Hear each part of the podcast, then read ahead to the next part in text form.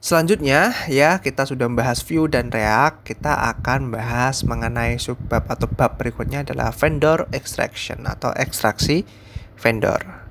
Salah satu potensi kerugian untuk menggabung atau menggabungkan semua JavaScript khusus aplikasi kita dengan pustaka vendor seperti React dan Vue dalam hal itu membuat caching jangka panjang menjadi lebih sulit. Misalnya, satu pembaruan untuk kode aplikasi kita akan memaksa browser untuk mengunduh ulang semua pustaka vendor kita meskipun mereka belum berubah.